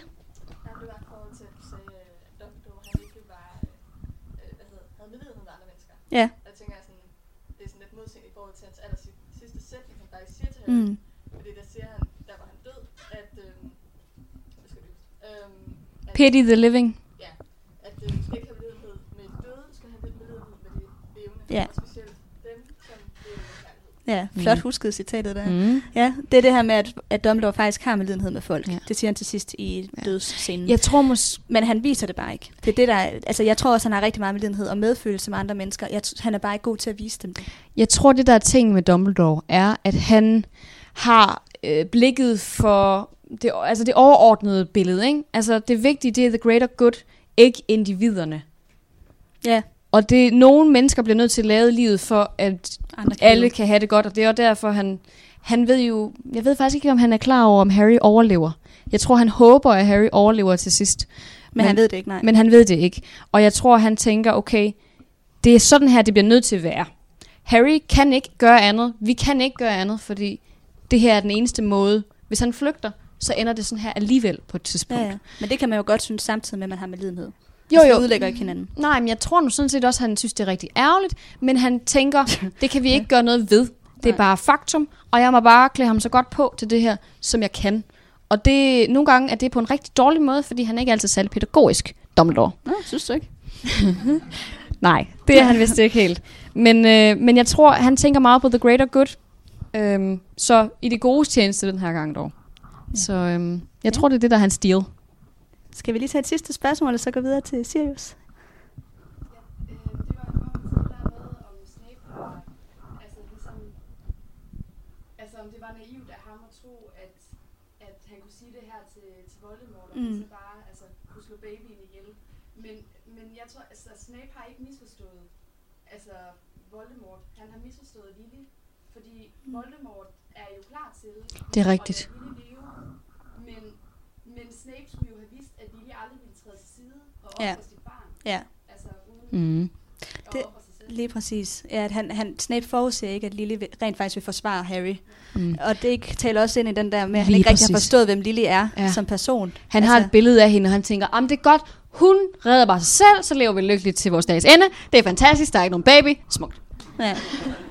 Der er heller ikke nogen James, han er død. Fint nok. Ja, ja. Altså det, jeg tror, det er helt Det er rigtigt sådan, ramt altså, der. hvad, hvad er det lige for en Lily, han forventer at få, hvis det skulle ske, ikke? Altså, Jo. Sådan, tror du, hun har lyst til at være sammen med dig, hvis du er skyldig at hendes mand og barn er død? Altså, How about no? øh, ja. Ja, men igen, det taler ind i, hvor, hvor meget han misforstår kærlighed. Altså, Snape er helt sikkert også en af dem, der lever uden kærlighed, altså, eller som i hvert fald ikke rigtig forstår, hvad det vil sige. ja. Selvfølgelig ikke helt i en grad, som Voldemort gør, men der er et eller andet ved ham. Altså, han, han har sgu ikke fanget den. Nej. Det må jeg sige. Vil du hoppe videre til Sirius? Ja, det vil jeg. Øh, han er jo sådan meget debatteret, synes jeg, når man sådan Ja. ja. fornemmer gennem fans. Der er ret mange, der ikke bryder sig om Sirius. Jeg kan rigtig godt lide Sirius Black. Øhm, og nu skal I høre, hvorfor. Øh, han er øh, søn af Orion og Valburga Black. Og han hedder sådan set også Sirius Orion Black. Altså, ligesom Orion, altså sådan en stjernetegn? Ja. Sjovt. Alle i den familie hedder et eller andet, der har noget med stjerner at gøre. Mm. Øh, hans bror er Regulus Black, som vi også får en, en øh, rolle Mm. senere. Øhm, og så har han kusinerne Andromeda Tonks, som han har et godt forhold til, og så øh, Bellatrix Lestrange. Ikke så godt forhold. Mm-hmm. Øh, myrdet af hende. Ja. ja. Og øh, Narcissa Malfoy, som heller ikke ligefrem er så positivt. Generelt har han det faktisk ikke særlig godt med andre end Andromeda, og så Nymphadora, øh, Andromedas datter. Ja. Øh, Regulus vender sig jo faktisk mod Voldemort, men det finder Sirius så bare lige ud af. Nej. Så de kunne måske godt have fundet ud af et eller andet broderskab, men det gør de ikke. Øhm, på Hogwarts var han jo gode venner med James og Lupus og Remus. Det var Remus og Lupus på samme tid. James og Du mener, mangler Remus Lupus øh, og Peter. Peter Pettigrew. Ja. Sådan, det gik lige op for mig. Det, Men han er heller ikke så samme. vigtig, ham der Peter. Nej, nej, han får overhovedet ikke betydning senere hen. øhm, især ikke, da han sådan set er den, der dræber de der 12 mokler øh, i forbindelse med, med øhm, Harrys, eller alt det der, der sker Ja. langt tilbage. Hvor Sirius bliver tilfangetaget for at have slået 12 mokler igen ihjel, og have øhm, øh, afsløret Lily og James' skjulested, så faktisk er Peter Pettigrew, ikke? Jo. Øh, spoiler alert. øhm, ja, og han bliver så myrdet i bog 5 af Bellatrix. Øh, noget af det, der er sådan lidt spændende ved ham, synes jeg også, det er, at han er en animagus, som vi alle sammen ved. Han kan blive til den her hund. Det kommer vi helt sikkert til at snakke mere om i næste sæson Mm-hmm. bog 3. Øhm, og han var ret populær på sin tid på Hogwarts, øh, og kendt for at mobbe Snape. Ja. Hvilket Han er så- sådan lidt øh, den rebelske type, og Ja. går helt... Nej, var, det, var det James, der gik og rettede på sit hår? Det var det vist, var det ikke det? Øh, jo, jeg Der var tror noget også, Sirius har været lidt... Øh, Ja. Sådan en type, ja. Ja. som rendte rundt i læderjakke, og han havde jo også den der motorcykel, så... Ja, Ja, jeg- Rebel without a ja, cause. sådan lidt... Øh, har du set Grease? Ja, Sådan, ja. sådan lidt... Øh, den der, de der fyre der. T-Birds, Ja, menes jeg, de ja, hedder. ja. Ja. Han er lidt sådan en type. Ja. øhm, han kommer jo også fra et racistisk ophav. Ja. Øhm, også siger jeg. Ligesom Malfoy for eksempel. Eller Snape. Ja, Nej, jeg ved ikke, hvor meget nej, det er faktisk rigtigt. politiske. Den tager jeg men- lige tilbage. Ja, men Malfoy i hvert fald. Ja. Øh, og der blev prædiket alt det her rent blod, mudderblods Ja. halløj, som er helt forfærdeligt, og moklerhed. Mm-hmm. Øh, der er også ret meget indavl i hans familie, fordi at på grund af det her, så, Det her vi- tankesæt. ja, så må man jo kun gifte sig med nogen, som også har Rent blod. tro, ja, troldmandsblod i årene. Mm. Øh, og hans forældre er vist også kusiner eller eller. Jeg kan ikke lige helt huske Wow. det, men der er også noget der. Øh, ikke, så, ikke så godt. Øhm, nå, men hvad kan jeg ikke lide ved Sirius? Indavl. Ej, det kan han jo ikke gøre for. Det, altså, det, det øh, gør han jo så heller ikke noget ved. Eller han Sorry. noget. Ja. Nej, men han behandler i hvert fald ikke Græ særlig pænt. Nej. Og, som er husalfen Mm-hmm. i Og hjemmet. Det er jo her, hvor Det der er problematisk. fantastiske Dumbledore-citat med, at man skal se på, hvordan man behandler sine undersåtter, eller dem, der er under en, og ikke Ja. sine lige mænd. Ja. Jeg tror faktisk, det er Sirius, der siger det selv. Er det, nej, er det det? Ja. Ja, det jo selv, der Ja. siger det, og så gør han det selv. ja, det er nemlig lidt dobbeltmoralsk. Ja. Jeg kan ikke huske, hvem der siger det i filmen, men Meget hyklerisk. i øh, bøger, bøgerne er det Sirius selv, der siger det der med, Nå, for at øh, det er, hvordan man behandler sine fjender ikke sine venner. Som er lidt dobbeltmoralsk. Mm. Øhm, så sætter han rigtig meget lighedstegn mellem Harry og James. Mm. Det synes jeg også er lidt problematisk. Ja. Han håber lidt, at uh, Harry kan blive en erstatning James. Mhm. Mm-hmm. Discount James. Discount James. Ja. Øh, hvilket er jo helt forfærdeligt at forvente af en... Af et barn. Ja, Altså, altså fordi han, han ser ham virkelig, han behandler ham som en voksen, og vil gerne hive ham med ud på alle Ja. de her virkelig farlige missioner. Og sådan, "Ej, men det gør ikke noget, det kan vi sagtens. Ja. Sådan, han er måske kun 15. Vil du ikke godt lige slappe af? Ja. Altså, han skal ikke alt det her. Ej, Han har fandme nok at se til. Ja, det er han. Øh, så synes jeg også, at hans mobning af Snape er øh, utilgiveligt. Altså det, det synes jeg, uanset hvad, hvad der så gør, så skal man ikke mobbe andre. Og, Nej. Og de er virkelig lede ved Snape. Mm. Så, øh, Griner hans underbukser. og Ja, noget. og der er jo faktisk også den situation, hvor han sætter Snapes liv i fare, fordi han lukker ham ned Ja. i det hyldehus, mens Lupus er varulv.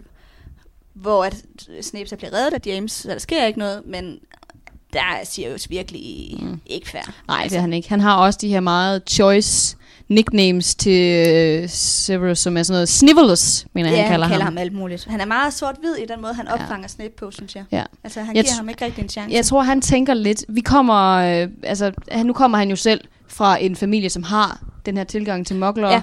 Og så kan han se, okay, Snape går i de samme baner. Ergo kan han ikke være god.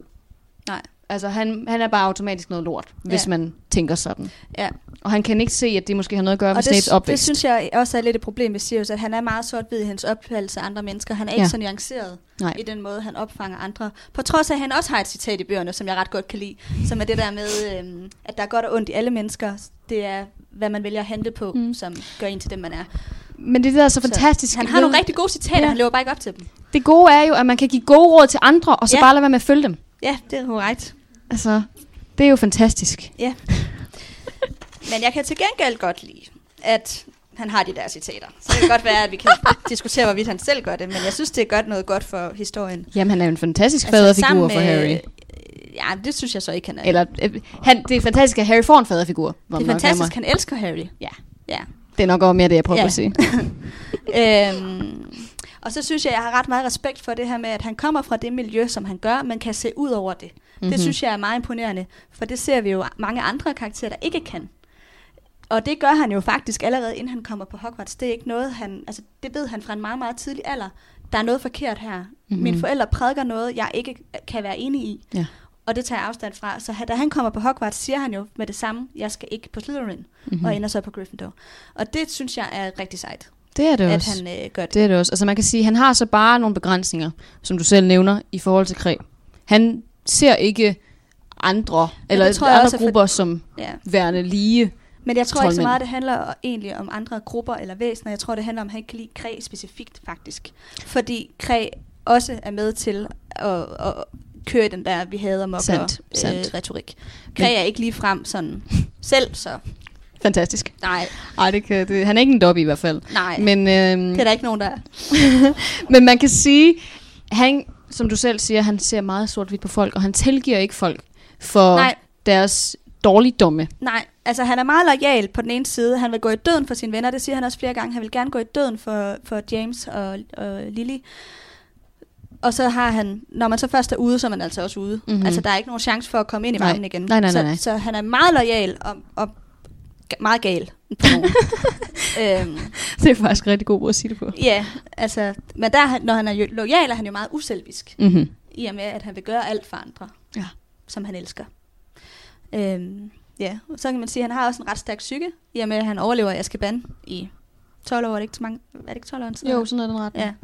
Ja. Øh, han har nogle men, kan vi godt blive enige om, Ja. men, men jeg synes alligevel, altså der var mange, der var bukket under derinde.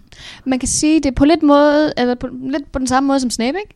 Altså, man sætter sig et, et mål, Jo. og så skal man bare gøre det. Og han ved, at han er uskyldig, ergo skal han ud. Ja, og han skal have fanget Peter Pettigrew, fordi det er Peter Pettigrew, der har myrdet James og Lily. Ja, han har et mål. Ja. Ja, lige præcis. Eller det er så... Jo, det er Peter Pettigrew. Ja. Ja, ja. Det ved han jo godt selv, at det ikke er ham, der har myrdet dem. Der er Så. lige et spørgsmål.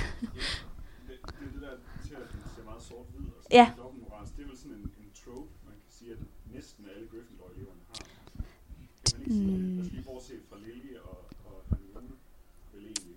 Både Ja. Harry og Ron, og, og det, de, de, de ser De ser lidt sort. Ja, de ser verden sådan forholdsvis sort-hvid. Åh, oh, det er rigtigt nok. Og altid for den, for den greater good. ja. Spørgsmålet er, om det... Altså, nu bliver der sagt det her med, at Gryffindor nogle gange ser tingene meget sort-hvid. Jeg ved ikke, om det er deres alder, eller om det er det, at de er Gryffindor. Fordi jeg tror måske også, at man kunne finde mange på Hufflepuff. Ernie Macmillan for eksempel, der Ja. også er meget sådan... Sandt, sandt. Øh, enten eller. Altså sådan... Og der er også en del på Slytherin, der måske også er sådan... Så, jeg ved Dem ikke. kender vi bare ikke rigtigt, kan man sige, så det er svært. Men, øhm, men der er nok noget med alderen. Og der er nok noget med, at de bliver indpodet. Det er jer, der er de gode. Det er jer, der er de modige. I skal kæmpe mod Det det, er jo onde. virkeligheden også problemet ved at opdele dem på den der måde Ja. i kollegier, ikke? Fordi man er meget sådan, det er dem her, jeg er lojal over for, ja. alle andre skal bare skride. Og de Ja. har konkurrencer med mm. Quidditch og med point ja. og sådan noget. Så der, er, der er- bliver lavet sådan et lidt mærkeligt konkurrenceelement ja. mellem husene, Det er nemlig det. Og det er fra det sekund, de kommer ind på skolen, ikke? Der får de at vide, I Du to er er, mod sådan. hinanden. Ja. Du er Slytherin, og dig og de der Gryffindor, det Ja. kan bare ikke lade sig gøre. Ja. Altså, så har de de her timer sammen, og de kan også godt have foreninger sammen. Og der er også nogen, der bliver kærester på tværs. Men størstedelen finder altså deres partner og deres venner inden for deres eget kollegie. Så de burde måske lave nogle andre måder at inddele de der elever på. Der er helt sikkert et eller andet galt i den Ja. måde. Men jeg giver ret i, at der er mange fra Gryffindor, der er meget sort-hvide Det er i der. deres tankegang. Det er der. Men de bliver også hele tiden fortalt, at de er de modige. Ja, men også, at de er utroligt omdristige og ikke tænker sig om. Ja. Og det er de i høj grad. Ja. Øhm, ja, så skal vi se. Ja, i forhold til, hvad Sirius gør for historien, så synes jeg, at han giver os et håb som læsere, for at Harry han kan få en forælder. Øh, I hvert fald indtil han dør. Øh, ja, og så græder vi. Man havde lige sådan to bøger, hvor man tænkte, åh, altså, der er håb ja. forude. Altså, Sirius var faktisk den eneste, jeg græd ved, da han døde. Ikke engang Dumbledore? Nej. Du er godt nok kold hjertet. Nej, jeg græd heller ikke med Dom- Jeg græd ikke med andre end Sirius. Jeg ved ikke, der var bare et eller andet med ham. Fordi at den der faderfigur, eller forældrefigur i virkeligheden. Potentialet, ikke? potentialet, der var virkelig meget potentiale, for at der, ham og Harry kunne få et eller andet helt Ja. fantastisk. Og jeg synes, det var bare så sørgeligt, da han døde. Men, øh, men jeg ved, at der er mange, der har græd mere ved Dobby, og der er mange, der græd mere ved Fred også. i, Åh, øh, nej, hvorfor ja, ja. så, ja, Har man ikke så- glemt. Og Hedvig også. Ja, den var også Altså, trist. Men jeg synes, nu- altså, jeg synes Dumbledore, det var den værste for mig. Men det var fordi, at det hele var bare så håbløst der.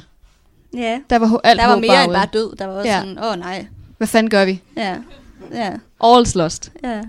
Og der er et spørgsmål. Øh, jeg kan ikke huske, om jeg snakkede om det før i podcasten, men hvad siger I til teorien om, at øh, Sirius og øh, Lupin er, var kærester? At de var gay? Altså, at Sirius og Lupus skulle have haft et forhold. Øhm, Altså, der er jo en, vi har jo faktisk diskuteret det her i vores liveshow øh, omkring minoriteter. Der talte vi en nå, lille snakker vi om smule. de to der? Meget, meget lidt, tror Ja. jeg. Fordi at vi nævnte det her med, okay, der er nogle øh, træk mellem lupus og det her med, med AIDS. Altså der er ligesom ja. nogle, det her med at have øh, det her lykantropi, øh, at, at man bliver bidt af nogen, og der er noget med noget blodsygdom, og man bliver udstødt Ja. af samfundet. Det er jo lidt det samme, som det, der skete tilbage i 80'erne med AIDS-epidemien. der er i hvert fald nogle teorier om, at det er Ja. en analogi for AIDS. Det er jo det. Og Ja. der er nogen, der mener, at Tongs hun bare er et øh, beard, eller et skalkeskjul for lupus, for at få det til at se ud, som om han er heteroseksuel. Øhm, det er der nogen, der mener. Ja. Personligt, så, ja, den er lidt, den er lidt rough. Bare lige kastet ud på den måde. men, øh, men jeg tror det ikke. Nej. Jeg tror måske, at Sirius, han er sådan en, der har været meget dameglad, men jeg tror aldrig rigtigt, han har fundet kærligheden. Og jeg tror, Nej. Nej. at øh, Lupin... Det er jo han, generelt ikke noget, vi hører så meget om. Altså, sådan vi kender dem jo ikke. På piger, eller sådan.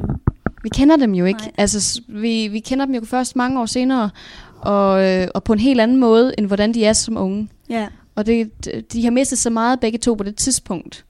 Så øh, jeg synes, det er svært at vurdere. Altså, jeg synes, det virker som om, at øh, Lupus er oprigtigt forelsket i Tongs. Så Da, men der er dog nogle store problemer der også. det er der. Det kan man, vi snakke om. Man, man kan selvfølgelig også være biseksuel, så man kunne også... Altså, Ja, ja. Den mulighed er der jo. Men øhm, ja, ej, altså, jeg tror ikke på den. Det må jeg sige. Men der er jo utrolig mange teorier om, at alle mulige skulle have været sammen på kryds og tværs. Ja, ja. Altså, Ja, det er et, man kan, jeg tror, vi kunne lave en episode kun om Shipping, altså forskellige parforhold. forskellige par på hvor kryds og tværs, Ja, altså. ja, ja. Øh, det er helt vildt. Jamen, det er rigtigt. Så, øhm, men jeg forstår godt, at folk de tænker det, fordi vi mangler jo også lidt et homoseksuelt par i den her ja, historie. Ja, og det er jo også noget, det J.K. Rowling bliver kritiseret rigtig meget for. Mm. Øh, der er Dumbledore, som hun har været ude at sige er homoseksuel Efterfølgende. efterfølgende.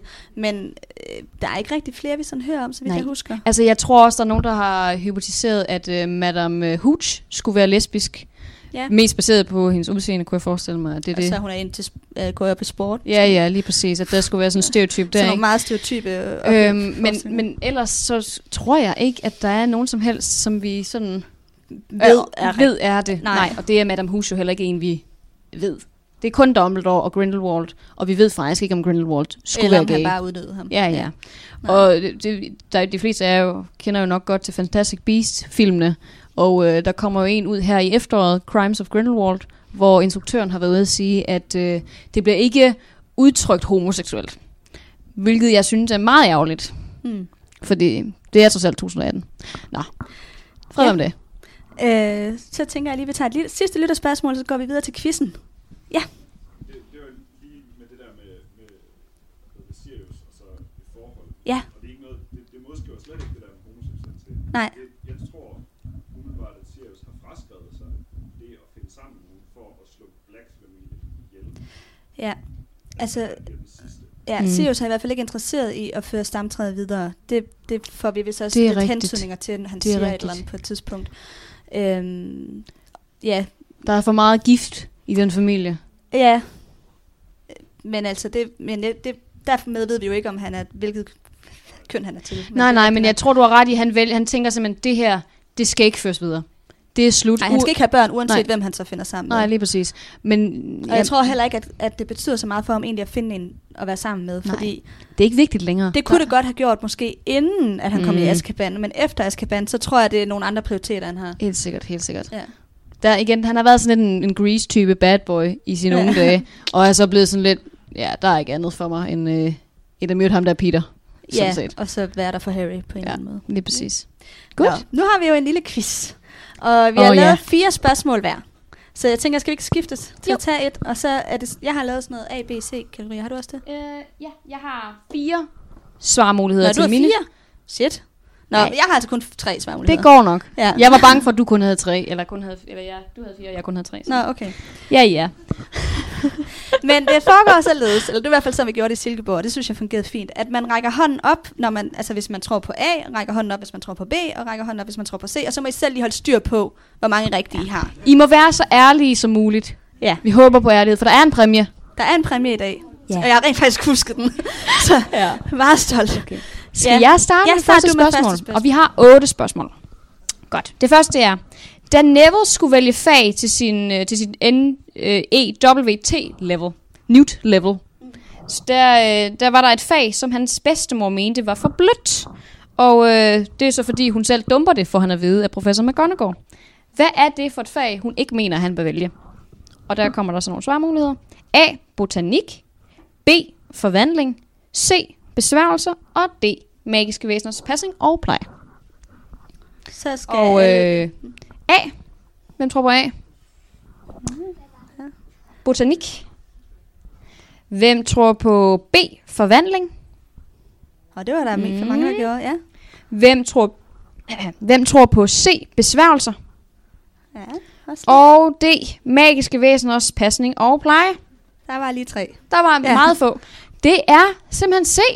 Hun synes, at for, altså, besværgelser var et virkelig øh, nederen fag, ja. fordi hun selv dumpede sin øh, owls, Ja fortæller professor McGonagall ham.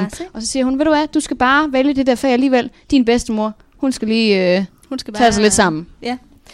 Nå, hvor mange navne har Dumbledore? A. 4, B. 5 eller C. 6. Hvem siger A? Nå, lidt. Hvem siger B? Og hvem siger C? Jeg tror, du skal huske at læse øh, svarmulighederne op. C6. Det var B5.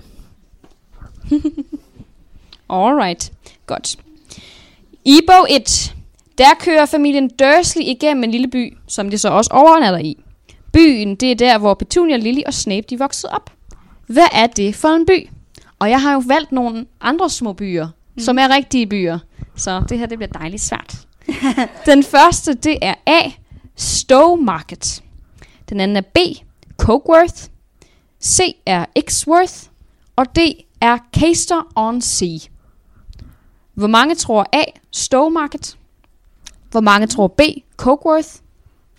Hvor mange tror C. Xworth? Det var der ikke nogen, der gør. Og hvor mange tror D. Nå, okay. Og en Sorry. enkelt. Sorry. Caster on the Sea. Også en lille håndfuld. Ja. Og det er nemlig B. Cokeworth. Det var jeg ret god til. Ja, der var der mange, der havde rigtigt. Nå, på tredje år skal eleverne igennem en række udfordringer i forbindelse med deres eksamen i forsvar mod mørkets kræfter. Hvilket væsen formår Hermione ikke at komme forbi? Er det A, en Grindylow, B, en Hinkypunk, eller C, en Boggart? Hvem siger A, en Grindylow?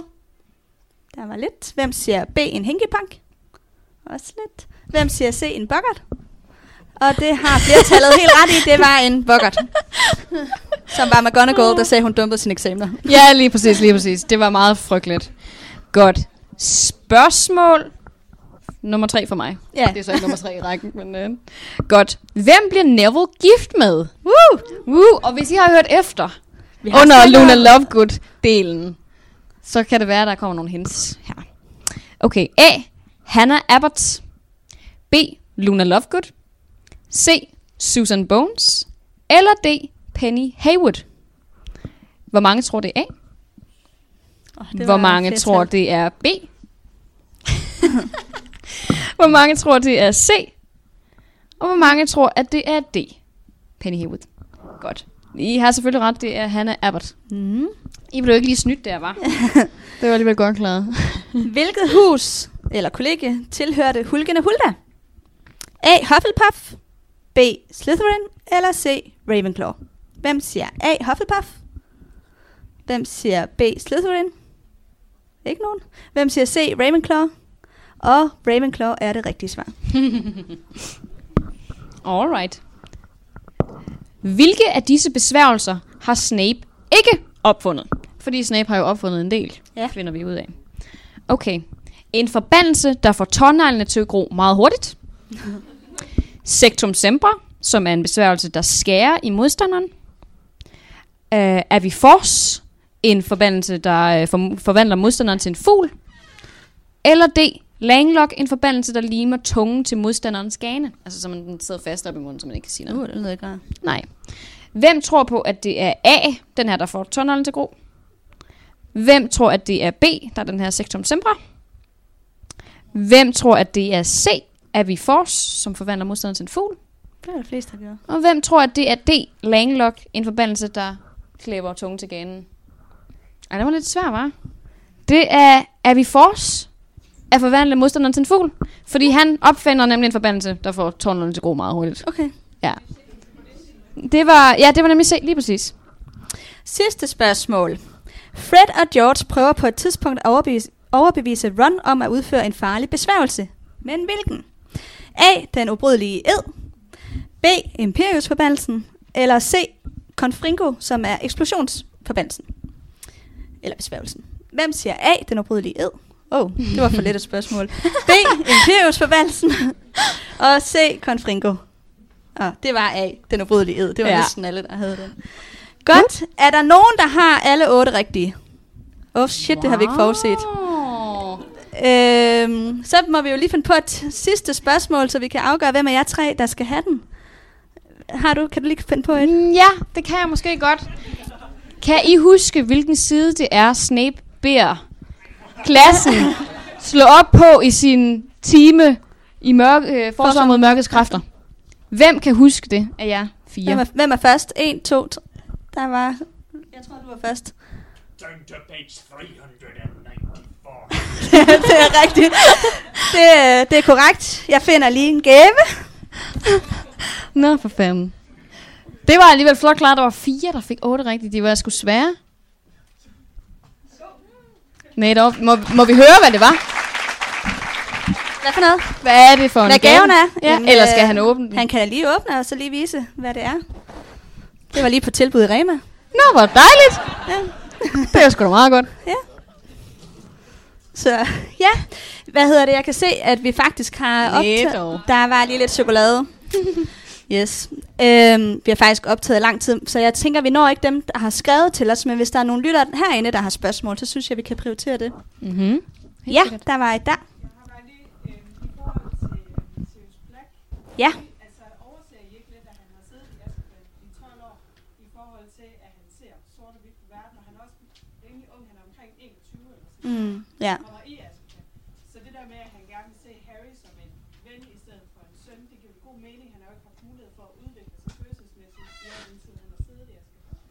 Det er en rigtig god pointe. Ja, Ja, at, det at det også begrænset, hvad man kan forvente af ham som person, efter at have siddet 12 år med dementor non-stop faktisk. Helt sikkert. Øh, I den henseende gør han det jo faktisk ret godt.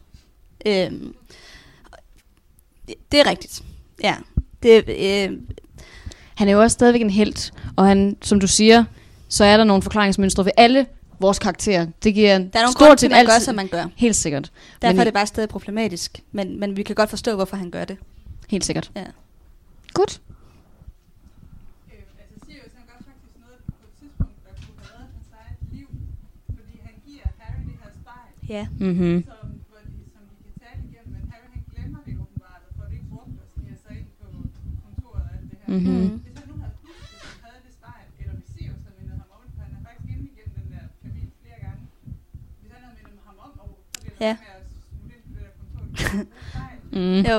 så, øh, så kunne han jo i stedet for at få fat i Kræ, der sad inde på den anden side, have fået direkte øh, kontakt til, til Sirius. Det, og jeg synes, at det, det er lidt sjovt, fordi vi overhovedet ikke forklaret i bogen, hvorfor det er. Nej, Nej. det er så ærgerligt. Nej. Altså, jeg mindes, at han synes jeg bruger faktisk, det han kort. lidt. Han taler lidt om, med, både med, øh, med Nick, næsten hedder det så Nick, og Dumbledore om Sirius' død, og jeg mener, mindes, der er en af dem, hvor han er sådan lidt, kan han ikke se ham på den anden side? Kan han ikke bruge det her spejl til at se Sirius igen? Hvilket han selvfølgelig ikke kan, fordi det kan man ikke med, med folk, der er gået videre, vel? Mm. Men det er på den måde, han, han over det, Ja. Nej, det er rigtigt. Og det, det mindes jeg faktisk at kunne huske, men det er længe siden, jeg har læst. Øh, Femmeren. ja, og sekseren. Mm. Så det, jeg kan ikke, ja, men det, det, det er jeg faktisk lidt i tvivl om. Det er godt også være, altså, det. en virkelig god gave, som bare overhovedet ikke bliver brugt. Men det gør det også næsten ekstra hårdt, Ærgerligt, at Sirius ja. dør, fordi at det kunne være forhindret. Altså mm-hmm. det Mhm. synes jeg også er et ekstra lag til, at det gør ondt på en eller anden måde. Det er, nemlig, det er også bare fordi, der, der er tale om miskommunikation, ikke? Det det, der er problemet, at han kører efter instinkter og tænker, åh oh, nej, Sirius ligger og bliver myrdet inde i ministeriet. Kan det tænkes, det her det er manipulation, og det er en Ja. fælde? Nej. Hvilket der faktisk også, hvem er der siger det til ham? Der er en, der faktisk siger, "Ku- er det Hermione, Ja. ja. Hermione, der siger det? Og jeg tror faktisk også, han siger, selv hvis det er en fælde, så går jeg i den. Ja. Og ender så med at blive skyldig i hans ja, gudfar dør. Ej, ja, jeg ved ikke, om jeg synes, det er hans skyld. En lille smule. Hvis han ikke havde været så dumt dristig, så var det her ikke sket. Ja, men sådan er der mange ting igennem bøgerne, der ikke var sket, hvis ikke Det er rigtigt. Men Altså- der er også mange ting, der lykkes, fordi han er dumt dristig. Ja, ja. Så. Det er både godt og skidt, kan man sige. Mm. Ja, er der flere spørgsmål?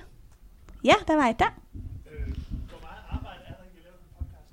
Ja, Godt det er et godt spørgsmål. Hvor meget arbejde bruger vi? Jamen, øh, på en almindelig episode, der, øh, der bruger jeg omkring halvanden time på at forberede mig. Og du bruger noget mere? Markant mere tid. Det, det tager nok en fire timer eller sådan noget. Ja, At forberede det hele, at få læst kapitlet og få skrevet noter, og få, så få, få det skrevet sammen til det her. ja, Og så er vi typisk nede i studiet halvanden time. ja to øh, timer nogle gange. Ja. Ja. ja. Og så har vi jo så fået en rigtig dejlig klipper på, som klipper for os. Men ellers kan det også sagtens tage, hvad hedder det, Har du tre lyst til timer at- mere. Vis, hvem du er.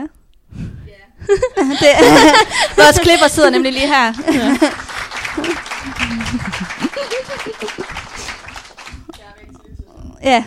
og det er min lille søster Ida, som Ja. ja. gør et kæmpe stykke arbejde. Hun bruger Ja. ja. faktisk næsten lige så lang tid på det, som vi gør. Ja. Fordi hvad tager der at klippe sådan en episode, Ida? Fem timer. Fem timer. Ja. Ja. ja. Nogle Mm. gange, så... Nogle gange er noget lort. Ida siger nogle gange, at vi er lidt irriterende, fordi så kommer der lige sådan, åh, jeg skal lige bøves, eller jeg skal lige prutte, eller sådan et eller andet. Og sådan, Sådan, åh, Åh, det, de her, det her headset sidder irriterende. Ja. Ej. Nogle gange er der også nogen, der kommer ind i studiet, hvor man er sådan, hej, ja. er her? Så, Ja. så alt efter, hvor meget sådan noget udenom sådan noget der er, så tager det jo lidt tid at Det klippe jo det. Og så er der jo også øh, social media maintenance, fordi det skal jo lægges op. Det tager måske en halv time at skrive sådan et opslag, og det er ikke altid, men det kan det godt gøre. Ja. Og så skal og man svare folk. Der er rigtig mange, der skriver til os. Øh, og det er rigtig dejligt. Men det tager jo også noget tid lige at få svaret alle. Og jeg synes, jeg vil rigtig gerne være bedre til at svare mere fyldskørende. Men, øh, men nogle gange, så bliver det bare lidt hurtigt, der bliver svaret. Desværre. Øh, men det er jo også, fordi der er så mange, der skriver. Mm-hmm. Mm. Så, så ja. Men øh, så hvis der er nogen herinde, der har skrevet, som er ked af det svar, de har fået, så undskyld. Så er det Amalie, jeg svarer fyldsk gerne.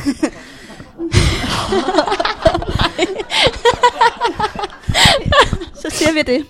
nej, nej, nej, nej. Det er ikke Ja, rigtigt. så, det, øh, så det, det er lidt forskelligt, hvor lang tid vi bruger ja. på de Der er forskellige jo også ting. nogle kapitler, som er mega nemme, og som bare går chop chop, og der tager det ingen tid at, at finde ud af, hvad det er, man skal sige. Men nogle gange, så er det jo svært at vide, hvad man skal hive ud, eller også er der alt for meget at sige. Altså, vi har jo kapitler, hvor vi sidder sådan lidt, der er ikke noget at sige til det her. Jeg mindes især øh, kapitlet om dragen Norbert. Ja. oh, det var den værste kapitel at optage. Generelt, når der er magiske dyr med, og de er de, dem, der er hovedpersonerne, så kan det godt være lidt svært Ja, for nogle af ja, os. Ja. Men, øh, men typisk kan vi jo godt finde noget at sige alligevel, som I jo Jeg synes nemlig høre. altid, vi finder på noget. Ja, Men ja. jeg kan godt huske, da vi sad i studiet og skulle optage det der, det der kapitel om Norbert, hvor vi var bare sådan, vi har intet at sige. Altså, Der er en drag. ja, Den, den brænder lidt ting. ja det, det, var, det var svært. Men ellers så synes jeg altid, der er et eller andet Ja. ja. i kapitlet, man kan trække Ja. ja. på. Det mest spændende, det er, når vi kan lave en diskussion om sådan et overordnet emne, fordi det er jo altid interessant at tale om plottet, men det er mere interessant at tale om, hvad gør det her for vores karakterer? Hvad, hvad siger det om det overordnede, overordnede historie, i stedet for, at vi skal sidde og tale specifikt om en plotudvikling. Mm. Så det er helt sikkert det mest ja. Interessante. Også det der, jeg, jeg kan godt lide, når vi prøver, kommer ind i lidt mere sådan samfundsdiskussioner, øhm, og psykiske diskussioner og sådan noget. Mhm. Altså han tager nogle lidt sådan større linjer Ja. fra Harry Potter, fordi det, det er det, jeg synes også bøgerne kan. Mm. Øhm, men, men det er også tit, at det er noget, vi ikke engang op, altså forbereder. Det er bare Nej, noget, der nej. sker, når vi snakker. Helt Ja. sikkert. Altså, jeg, det der, når man... For mig er det, når vi kommer virkelig i dybden i nogle af de her karakterer, eksempelvis Dumbledore, eller... Øhm, jeg mindes, der var skakspillet mm. i slutningen af bog 1, hvor vi fik øh, placeret dem som skakbrikkerne i det der skakspil. Og der var jeg bare sådan, Eruka, det her det er jo en kæmpe åbenbaring. Det synes jeg var, det synes jeg var meget fedt, at brikkerne falder, falder på plads på den måde. Bogstaveligt talt. Bogstaveligt talt. Er der flere spørgsmål? Jeg synes, jeg så en hånd før, men det var måske en, der fortrød. Mm? Ja. Vi kan godt tage et enkelt eller to lytterspørgsmål, og så sige, at det var det. Okay, Og så kan jeg bare komme været op. i gang. Jeg trænger I til at komme ud og tisse eller et eller andet? Sådan, det, Eller vil mig gerne høre nogle gerne- lytterspørgsmål? Jamen, skal vi tage et enkelt eller to af det her? Ja. Altså, vi har faktisk fået virkelig mange. Jeg har, jeg har to sider lytterspørgsmål. øhm, og jeg har lovet dem alle sammen, at vi nok skulle svare på dem. Det kommer ikke lige til at ske i dag. Nej. Øh, men øh, vi skal jo så også på torsdag til, til Sjælland og holde øh, oplæg. Så mm-hmm. det Mhm. kan være, at vi skal tage nogle af dem med der. Ja. Nå, men nå, hvad skal vi lige tage? Øh, der er mange gode. Jo, lad os tage. Hvad vil der ske, hvis man drak polyjuice elixir med ens eget hår? Det har jeg aldrig overvejet. Nej, det har jeg heller ikke, men jeg synes, det er et ret godt spørgsmål. Jeg Ja. tror bare, man, det ville ikke virke. Jeg tror bare, man ville fortsætte med at være sig selv. ja. Jeg læste et sted, at øh, man vil ligne sig selv, men det hår, man havde trykket ud, vil gå ud igen. Nå. og så når, det, når timen så var gået, Så eller... forsvinder det.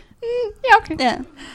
Men så kom jeg til at tænke på, da jeg læste deres... Jeg synes egentlig, det var meget sjovt fundet på af lytteren. Mm. Men så kom jeg til at tænke på, hvad så hvis man får polyjuice hvor der er hår i, fra en anden, der har drukket polyjuice? Giver det mening? Hvem bliver Åh. man så? Jeg tænker, det er stadigvæk dit DNA. Så selvom du ligner en anden, må det stadigvæk være dig.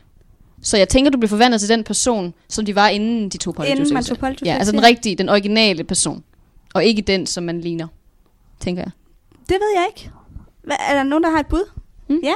Hvad, hvad siger I? Jeg tror, at man bliver forvandlet til den vedkommende ligner. Den, man ligner? Nå. Ja. Man bliver jo 100% den person. Ja. Men hvor filmen os til at tro, at de, de bibeholder deres egen stemme. Ja, det gør Det er de. Man- rigtigt. Man, skifter også stemme, ja. 100%.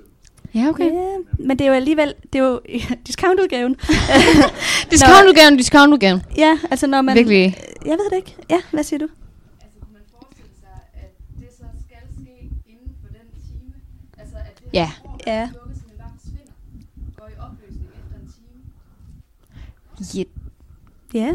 Eller også så forvandler det hår, man har plukket sig til den anden persons hår. Det er så problematisk, hvis de er skaldede. Så ved jeg ikke rigtigt, hvordan det... Jamen, det er vel også DNA i det hele taget. Altså. jo, jo, jo, jo. Det kan også være en hudflage eller noget andet, gætter jeg. Spyt.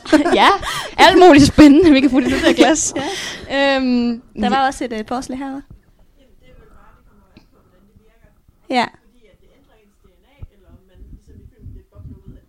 At man bare bliver en anden udenpå. Ja. Jamen, jeg ved det ikke. Jeg synes, det er... det- Jeg tror ikke, det er noget, J.K. Rowling har overvejet, Nej, den, nej, det ved jeg ikke. den mulighed. Ja. Men, Så- det, men det er lidt altså sådan sjovt at tænke på. Ja. Ja, hvad, hvad siger du? Hvad hvis man så er øh, mand, bliver forvandlet til en pige og bliver gravid? Det kan du jo ikke... Jo, det kan du vel egentlig godt Bliver du nå. gra- altså bliver gravid, mens man er i... øh, f- Ja, på, så tror jeg, det forsvinder. Så tror jeg, du mister påstået. Ja, det, altså, tro, jeg tror, det, kan- forsvinder bare. sådan. Det er bare væk. Der er ikke Men noget det der. er et godt øh, spørgsmål. Spørgsmålet er også, hvis man, hvis man bliver påført skader, mens man ligner en anden, om man så bibeholder de skader, ikke? Altså generelt alt, hvad der sker med kroppen, om de bliver overført tilbage til den person, Ja. som man original er. Ja, du tænker, hvis nu man bliver slået i hovedet, har man så stadig ondt, når man bliver ja, sig ja, selv igen? ja, ja. Det vil jeg umiddelbart tænke, man har. Så øh, Jeg ved det sgu ikke. nej, det er meget svært. Det er meget, meget... Altså, der er jo også nogle... De gode elixier, så vidt jeg husker, de kan jo holde i 12 timer. Så der er jo mulighed for, at det der kunne være en situation, Ja. der vil ske.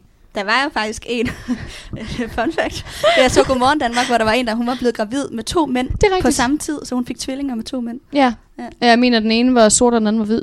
Og det kan jeg så ikke huske. Nej, det- det er i hvert fald noget, der er sket. Så det kan godt, altså kan jo godt lade sig gøre, måske Ja. ja. et eller andet sådan noget. Jeg ved det ikke. Men igen, en mand kan jo ikke bære et, et foster, når han kommer tilbage til sin originale krop. Det, med mindre, at der er en eller anden øh, besværgelse.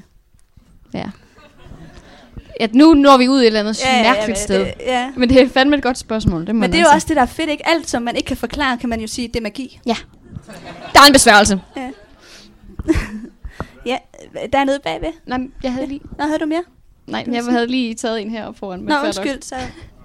Nå, så tager vi dig bagved. Er det ikke noget med, hvis, hvis man får en skade, så bliver den der, fordi det var vist noget med, at jeg kan ikke huske, om det var Fred eller Jordan, fordi han fik havet, Det er rigtigt. det, Det er en rigtig god pointe. Der var lige en lytter, Ja. der var skarp. Det er rigtigt. George han får øret øh, revet af, mens han Ja. er Harry. Det er så med og en det meget er stadig særlig væk, da han kommer til, tilbage. Ja, det er sådan en forbandelse, altså virkelig en ond forbandelse. Det er jo derfor, at øret ikke kan gro tilbage. Så jeg tror også, der er nogle special circumstances. Men alligevel. Men, men i forhold til det her med polyjuice så tænker jeg også, ja, at... ja, øh, det betyder netop. Jo, det var en god pointe. mm-hmm. Allerbærest. hvad så hvis, altså man, vi snakker om det der med, at man føler godt, hvad så hvis man begynder at snakke i døren, blev ved med at tage polyjuice elixir, og så Uh. Der kommer og Det mere burde jo teknisk det set godt kunne fungere. Skal vi lige... Det- det kan jo- Det er, at man øh, bliver ved med at drikke elixir, indtil man har født Mm. barnet. Kan det Okay, sig gøre? så tænker jeg en ting. Kan det være måske, at ens øh, sædceller og kønsceller og alle de her ting, som man skal bruge for at blive gravid, at de simpelthen ikke virker, når man er den, en anden person? Når man er under polyjuice. Lige præcis. At Ja. skrækker i døgn eksempelvis ikke ville kunne, kunne gøre de her ting, ikke kunne ville formere sig, og at hvis man var en kvinde, man heller ikke ville kunne få et barn. Kunne det måske være Det, en mulighed? altså, det er også et meget hypotetisk øh, forslag. Altså, sådan, det er ikke noget, jeg synes, man har hørt om, at det Nej. der sker, det her. Nej, det er ikke noget, der står inde på Pottermore, det her. Det Nej. er sikkert og vist. Altså, personligt vil jeg tænke, der må være en eller anden form for begrænsning. Ja, for hvad man, hvad man kan og ikke Ja. kan. Ja. Altså, og jeg tænker, at man må ikke kunne formere sig. Der må være nogle ting, der ikke virker. Blandt andet det. Det er jo ligesom, hvis man... Øh, øh, hvis en, en hest og et æsel får en unge, så kan den heller ikke få børn. Jeg tænker, det er lidt det samme koncept her. Hvis du er en anden person, så kan du ikke få børn som dem. Du kan ikke videreføre DNA'et. Du kan kun være dig, vil min tanke være. ja. Men vi ved det ikke. Men vi ved det ikke. Så det er meget hypotetisk. Ja. Ja, så, så også igen, hvad, hvad hvis man bliver til en, der kan blive til en animagus? Oh my god. Hvis man bliver til en, der kan være en animagus. Altså, hvis nu, man, hvis nu jeg blev Sirius.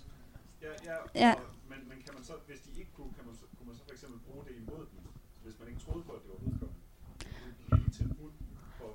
Nå, Jeg tænker ikke... for med- at bevise, man er den Altså, rigtige. ting er jo, Harry kan jo godt se, mens han er crab. Og han kan jo normalt ikke se noget, så han behøver ikke briller, når han er en anden. Men jeg vil jo ikke mene, man kunne få overført magiske evner, fordi så burde man jo bare blive Voldemort, eller blive, blive, blive Dumbledore, eller sådan et eller andet, og så bare bruge deres magiske evner. Så d- igen, det er sådan lidt, at det nogle fysiske ting, at de bliver overført, Mm. men måske ikke magiske evner. Hvad, hvad så med Lupin? Ja, det er jo... Nå, Jeg vil... Uh, altså, det er jo en del af hans DNA, så det er faktisk virkelig svært at svare på. Hvad tænker du? Ej, den er virkelig, virkelig svær. Ja. Det må jeg nok sige. Jeg tænker, øh, vi skal have skrevet til J.K. Rowling og spurgt. altså, Hvordan fanden fungerer det der polyjuice elixir? Nu må Ja. du komme med nogle svar. Ja. Oh, Det ved jeg ikke. det tror jeg ikke. Altså, jeg vil jo umiddelbart sige, at igen, som sagt, der må være nogle begrænsninger. Jeg tænker, fysisk ligner man folk, men jeg tror ikke, man kan få overført evner Nej. på den måde. Jeg tror ikke, fordi så skulle man bare være alle mulige andre hele tiden. Ja. Det ville være fantastisk. Så ville man bare blive Voldemort, og så ville det ligesom være orden. Så ville der ikke være nogen grund til at have alt det her hul Sjovt, du lige vil vælge ham. Jamen altså, jeg mener, hvis man skulle myrde Voldemort, så er det det bedste bare at være, være Voldemort, og så myrde ham med sig selv, ikke? Altså, ja. hvis han er den stærkeste troldmand nogensinde, ja, ja. så giver det da god nok mening. ja, ja. Men det, det dårlige er jo så, at han har ikke noget hår, så... Nej, nej, det er jo så det, at du skal finde DNA på en anden måde. Lige lige sådan en hudflag af. Kom med din fingernegl. ja, men uh, on that note, så tror jeg, vi er ved at nå til nej- vejs ende. Det Ja. har været mega hyggeligt at være her. Mm. Og tusind tak, fordi I kom alle sammen. Ja, det var mega dejligt, og det var så skønt at se så mange. Det kan jo tænkes, at vi skal holde et live show hernede igen på et tidspunkt. Ja, det, Det tænker jeg øh, helt sikkert. Mm. vil vi i hvert fald gerne. Ja. Så øh, tak for i dag. Ja.